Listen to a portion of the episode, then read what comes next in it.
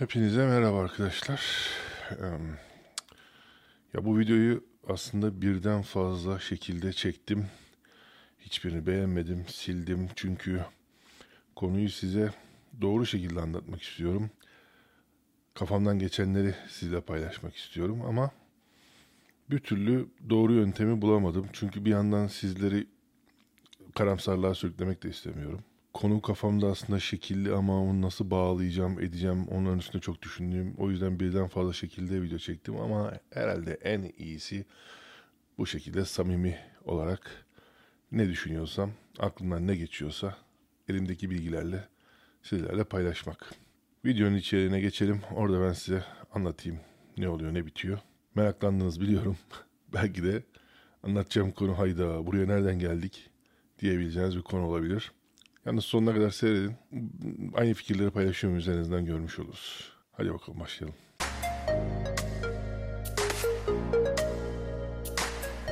Şimdi artık hayatımızda bir yapay zeka olayı var, gerçeği var. Biliyorum hiç buradan gireceğimi düşünmemiştiniz konuya ama şimdi bu konu gitgide ciddileşiyor. Birisi işte yaptığı robotları paylaşıyor. O robotların neler yapabileceğini gösteriyor. Gün içerisinde değişik videolar yayınlamaya başladılar ve her yayınladıkları videoda da aslında bu bahsi geçen robotların ne kadar yetenekli oldukları ortaya çıkıyor. Ne kadar geliştikleri, kendileri geliştirebildikleri ortaya çıkıyor. Bir diğer yandan da birbiriyle yarışırcasına Amerikalı, Çinli, Avrupalı firmalar, Rus firmalar yapay zeka üstüne çalışmalarını devam ettiriyor. Şimdi bu yapay zeka mevzusu artık ciddiye alınması gereken bir konu. Aslında biz kendi yaşantımızda zaten çok uzun zamandır bu yapay zekanın örneklerini kullanmaya başladık. En basitinden hepimiz navigasyon kullanıyoruz. Eskiden bakkal amca adres varken artık navigasyon adresi yazıyoruz. Bizi kapısına kadar götürüyor. Bu bir yapay zeka örneği. Çünkü yolların durumunu değerlendiriyor, o anki trafik akışını değerlendiriyor. Bu programı kullanan araçların hızlarını hesaplayıp hangi yoldan gidip gitmemeniz gerektiğine karar veriyor. Size bir sonuç çıkartıyor ve siz de o yolu takip ediyorsunuz.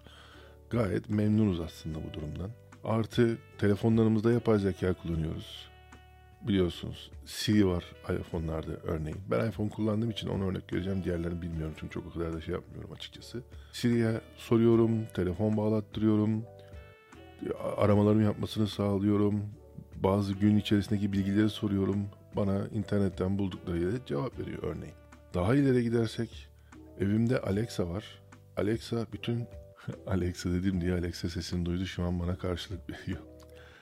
Ee, dediğim gibi Amazon Alexa var evimde. Bütün lambalar, ışıklar, televizyonum, e, ısıtma sistemi her şey ona bağlı. Ona söyleyerek istediğim ayarı yaptırıyorum. Hatta mutfağımdaki e, microwave bile yani mikrodalga fırın bile ona bağlı. İstediğim komutu verebiliyorum. E, işlerimi kolaylaştırıyor. Evet bizi tembelliğe de biraz sürüklüyor ama işlerimizi kolaylaştırıyor. Bunlar iyi yanları. Ancak bu yapay zeka geliştikçe biraz artık korkutucu olmaya başladı. Bir kere her şey önce güvenlik açısından korkutucu olmaya başladı.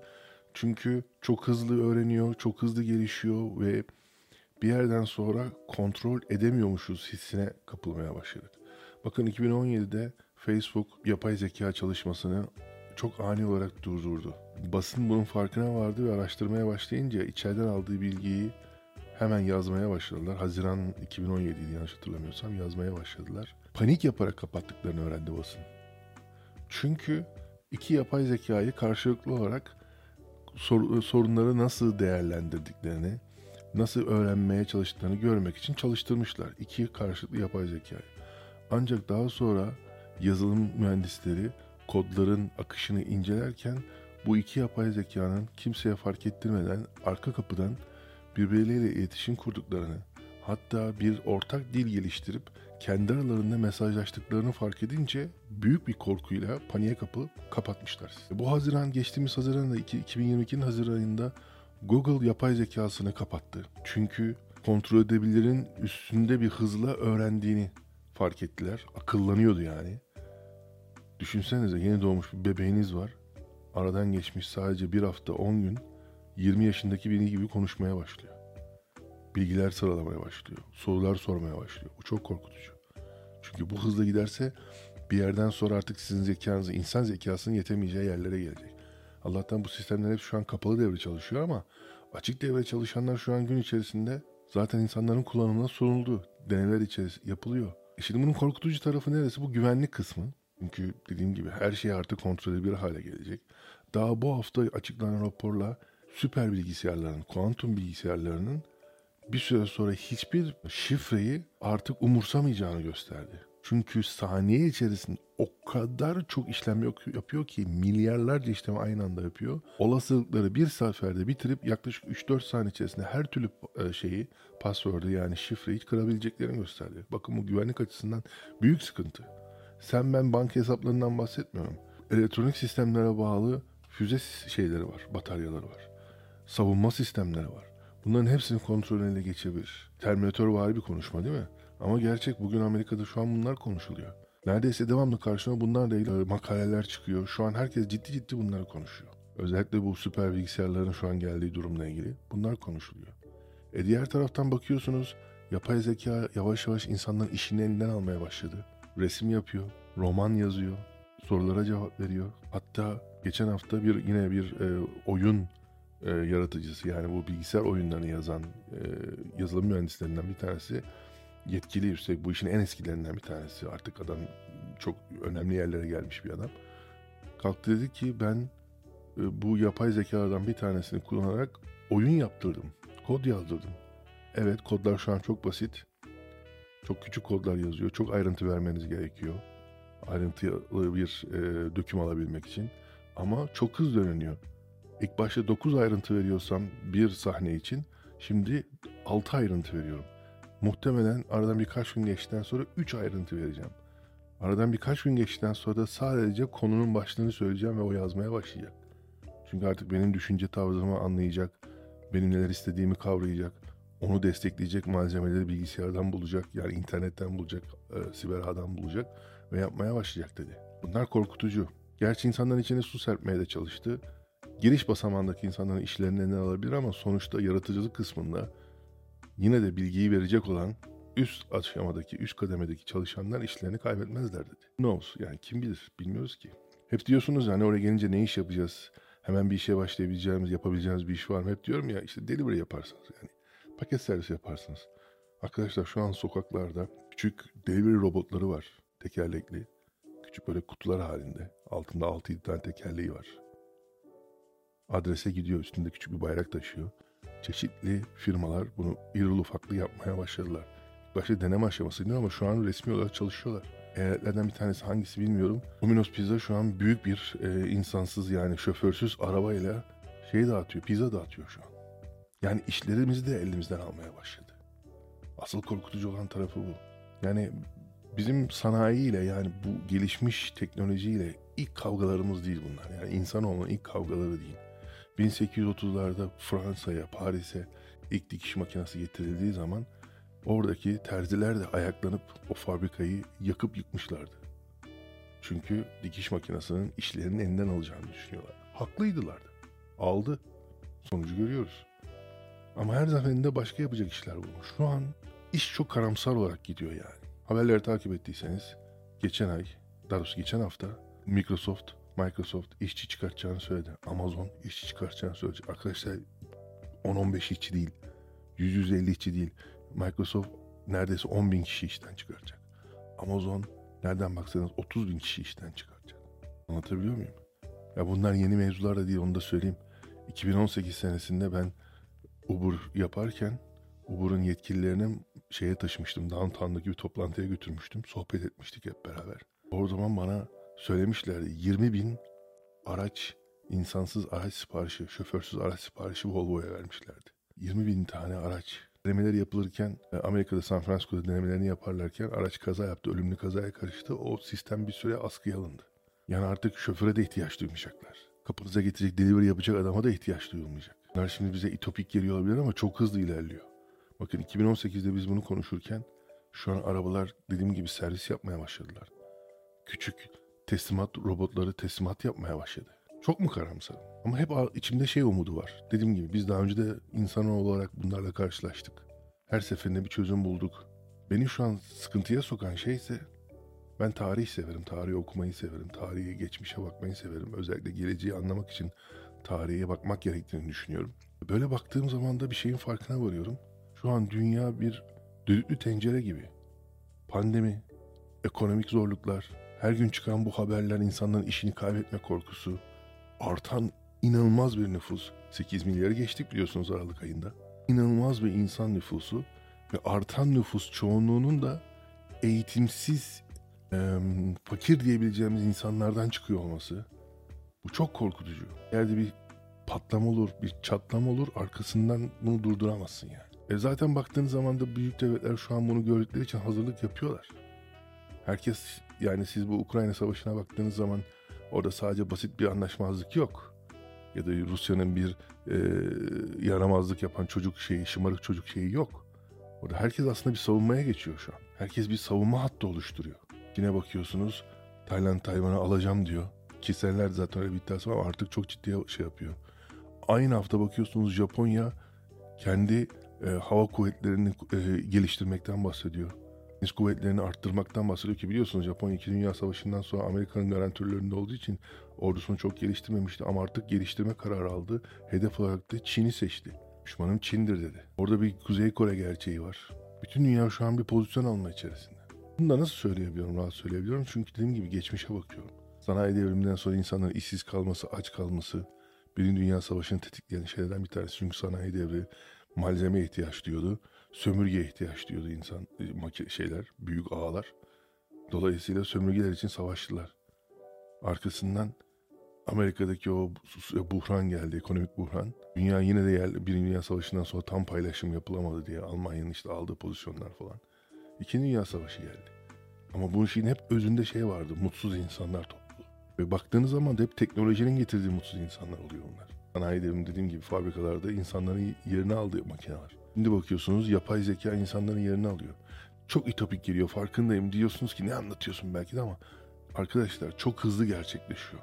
Ben şu an burada önümde bir sürü sayfa açık şu an. Hemen hemen hepsi benzer şeylerden bahsediyor. Aynı endişeleri dile getirmeye başladılar. Podcast kanallarında insanlar bunu konuşmaya başladı. Zaten konuşuluyordu ama şu an fazla bir şey var, panik var. Hele bu Microsoft'un işte e, Google'ın ondan sonra arkasından Amazon'un bu kadar yüksek miktarda adam çıkartacağını söylemesinden sonra kendince açıklamalarda biz pandemi döneminde çok fazla eleman almıştık diyorlar. Çünkü doğrudur insanlar evindeydi. Özellikle Amazon mesela insanlar evindeydi. Devamlı sipariş veriyordu. O siparişlere yetişmek için ekstra bir sürü adam aldılar. Kabul. Hadi o yapıyor ama diğerleri de şu an onu bahane ederek bir sürü adam çıkartmaya başladılar. Herkes bir pozisyon alma durumunda şu an. Varlığını korumak için. Yani size de ben gelirsiniz burada şu işi yaparsınız bu işi yaparsınız derken şu an açık açık dürüstçe konuşalım. Ben kendi işlerimden de biliyorum. Şu an e, ekonomi iyi değil burada. Gerçekten değil. E, haberiniz var mı bilmiyorum. E, bugün, dün ve bugün e, Amerikan Başkanı Biden'ın evine FBI baskın yaptı. Daha önce Trump'ınkine yapmıştı ama Trump'ınkine e, arama emriyle gitmişlerdi. Zorla girmişlerdi. Bu seferki Biden'ın kendi evine, şahsi evine e, izinle girdiler. Yani Biden kendisi dedi gelin bakın diye. Bir huzursuzluk var arkadaşlar.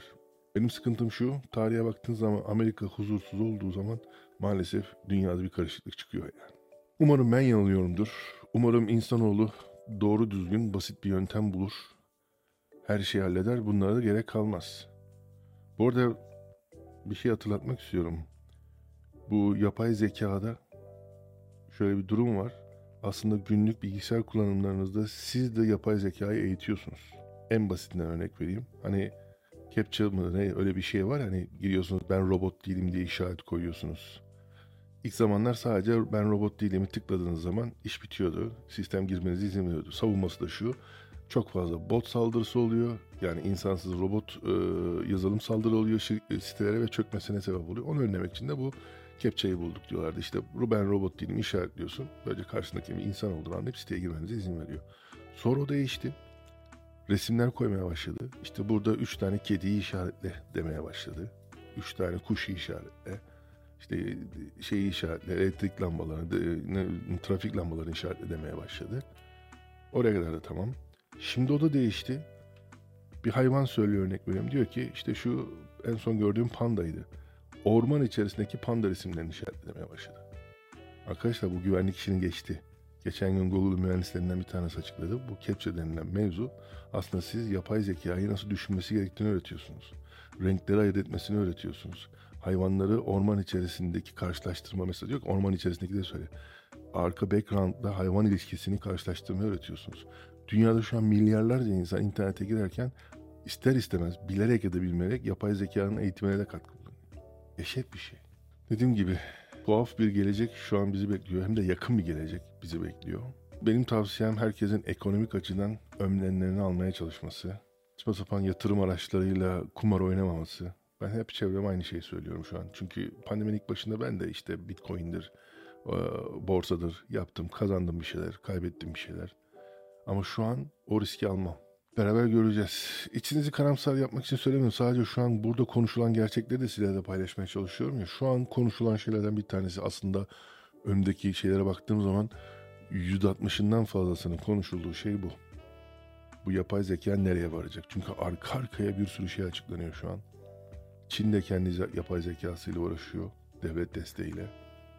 Ya burada şu an eğleniyoruz. İşte resim yaptırıyoruz yazı yazdırıyoruz. Ama şöyle bir sıkıntı çıktı. Mesela bu hafta e, bir soruşturmalar açılacak. Neden? Çünkü doçent olmak için başvuran, profesör olmak için başvuran akademisyenlerin tezlerini yapay zekaya yazdırdıkları ortaya çıktı mesela. Bizim kendi şu an okullarımız, bakın benim kızım ilkokulda, okullarımız evlere e-mail atıyor, mesaj gönderiyor. Diyor ki çocuklarınızın ödevlerini yaparken cevapları hazırlama kısmında yapay zekadan yararlanmadığından emin olun diyor. Bu ne demek? Bu şu demek. Çocuğun başında bekle. Hiçbir yapay zeka sitesine girmesine izin verme. Eğitim sistemi şu an bundan endişe duyuyor. Ve haklılar da arkadaşlar. Biliyorsunuz belki şu an ama geçenlerde bir video görmediniz mi? Çocuk e, soruların cevaplarını almak için matematik sorularının hepsini kalkıp Amazon Alexa'ya soruyordu. Siri'ye soruyordu. Bunlar şu an internette var. Açın bakın. Dolayısıyla dediğim gibi çok tuhaf bir geleceğe doğru gidiyoruz. Bu tüm dünyada olduğu gibi Amerika'daki yaşamı da etkiliyor. Faydalanabildiğimiz kısmından tabii faydalanıyoruz ama kontrol edemediğimiz kısımlar var. Bakalım nereye varacak göreceğiz. Yani hep beraber göreceğiz. Yani şunu söyleyebilirim artık herhalde hem fikirsinizdir. Ee, elektronik olarak güvenlik açısından artık hiçbirimizin güvende olduğunu zannetmiyorum. Ve sizinle bir dertleşeyim dedim arkadaşlar. Dediğim gibi bu hafta birden fazla kez bu videoyu çektim. Değişik şekillerde çektim. Çok teknik bilgiler verdim. Sonra vazgeçtim. Yani bu kadar sizi sıkmaya gerek yok. Geleninden bahsettiğim zaman zaten anlayacağınızı düşünüyorum. Bir yandan da sesimden anlayacağınız üzerine çok hastayız ailecek. Biz de maalesef o mikrobu kaptık şu an bütün dünyada olduğu gibi. Ee, boğazım çok ağrıyor mesela size şu an konuşurken. Elimden geldiğince anlatmaya çalıştım. Tekrar söylüyorum umarım ben yanılıyorumdur. Ben çok karamsarımdır da bunlar iyi bir şekilde düzelir. Bakalım hep beraber bekleyeceğiz ve göreceğiz. Tarihe bir not düşmüş olduk. Benimle beraber bu konuya dahil olduğunuz için size de teşekkür ederim. Paylaşmayı, madem buraya kadar geldiniz, beğenmişsiniz demek ki. Beğenmeyi, arkadaşlarına bizden bahsetmeyi unutmayın. Şikayetlerinizi bize, övgülerinizi arkadaşlarınıza iletin. Çok teşekkür ediyorum arkadaşlar. Bazen böyle dertleşmek, sizlerle konuşmak iyi geliyor. Bu arada bundan sonra yayınları e, aynı zamanda sesli olarak kaydedeceğim. Muhtemelen bir e, podcast oluşturmak istiyorum. Çünkü bazı arkadaşlarımın, sizlerin arasındaki bazı arkadaşlarımın beni sadece dinlediğini biliyorum. Arka planda çalışırken benim konuşmalarımı dinleyip işlerini yaptıklarını biliyorum. Podcast olarak da yapmayı düşünüyorum. İnsanlar dinlesin madem öyle. Bakalım göreceğiz. Ben de öğreniyorum yani. Ben de uzağım bu teknolojiden ama öğreniyorum. Tekrar teşekkür ediyorum buraya kadar seyrettiğiniz ve dinlediğiniz için. Kendinize dikkat edin. Yeni bir konuda görüşürüz. Ama dediğim gibi biraz hastayız. Ne zaman toparlayacağız bilmiyorum. Elimden gelince çok çabuk bir video çekmeye çalışırım. Yeni konularla ilgili. Kendinize dikkat edin. Görüşürüz.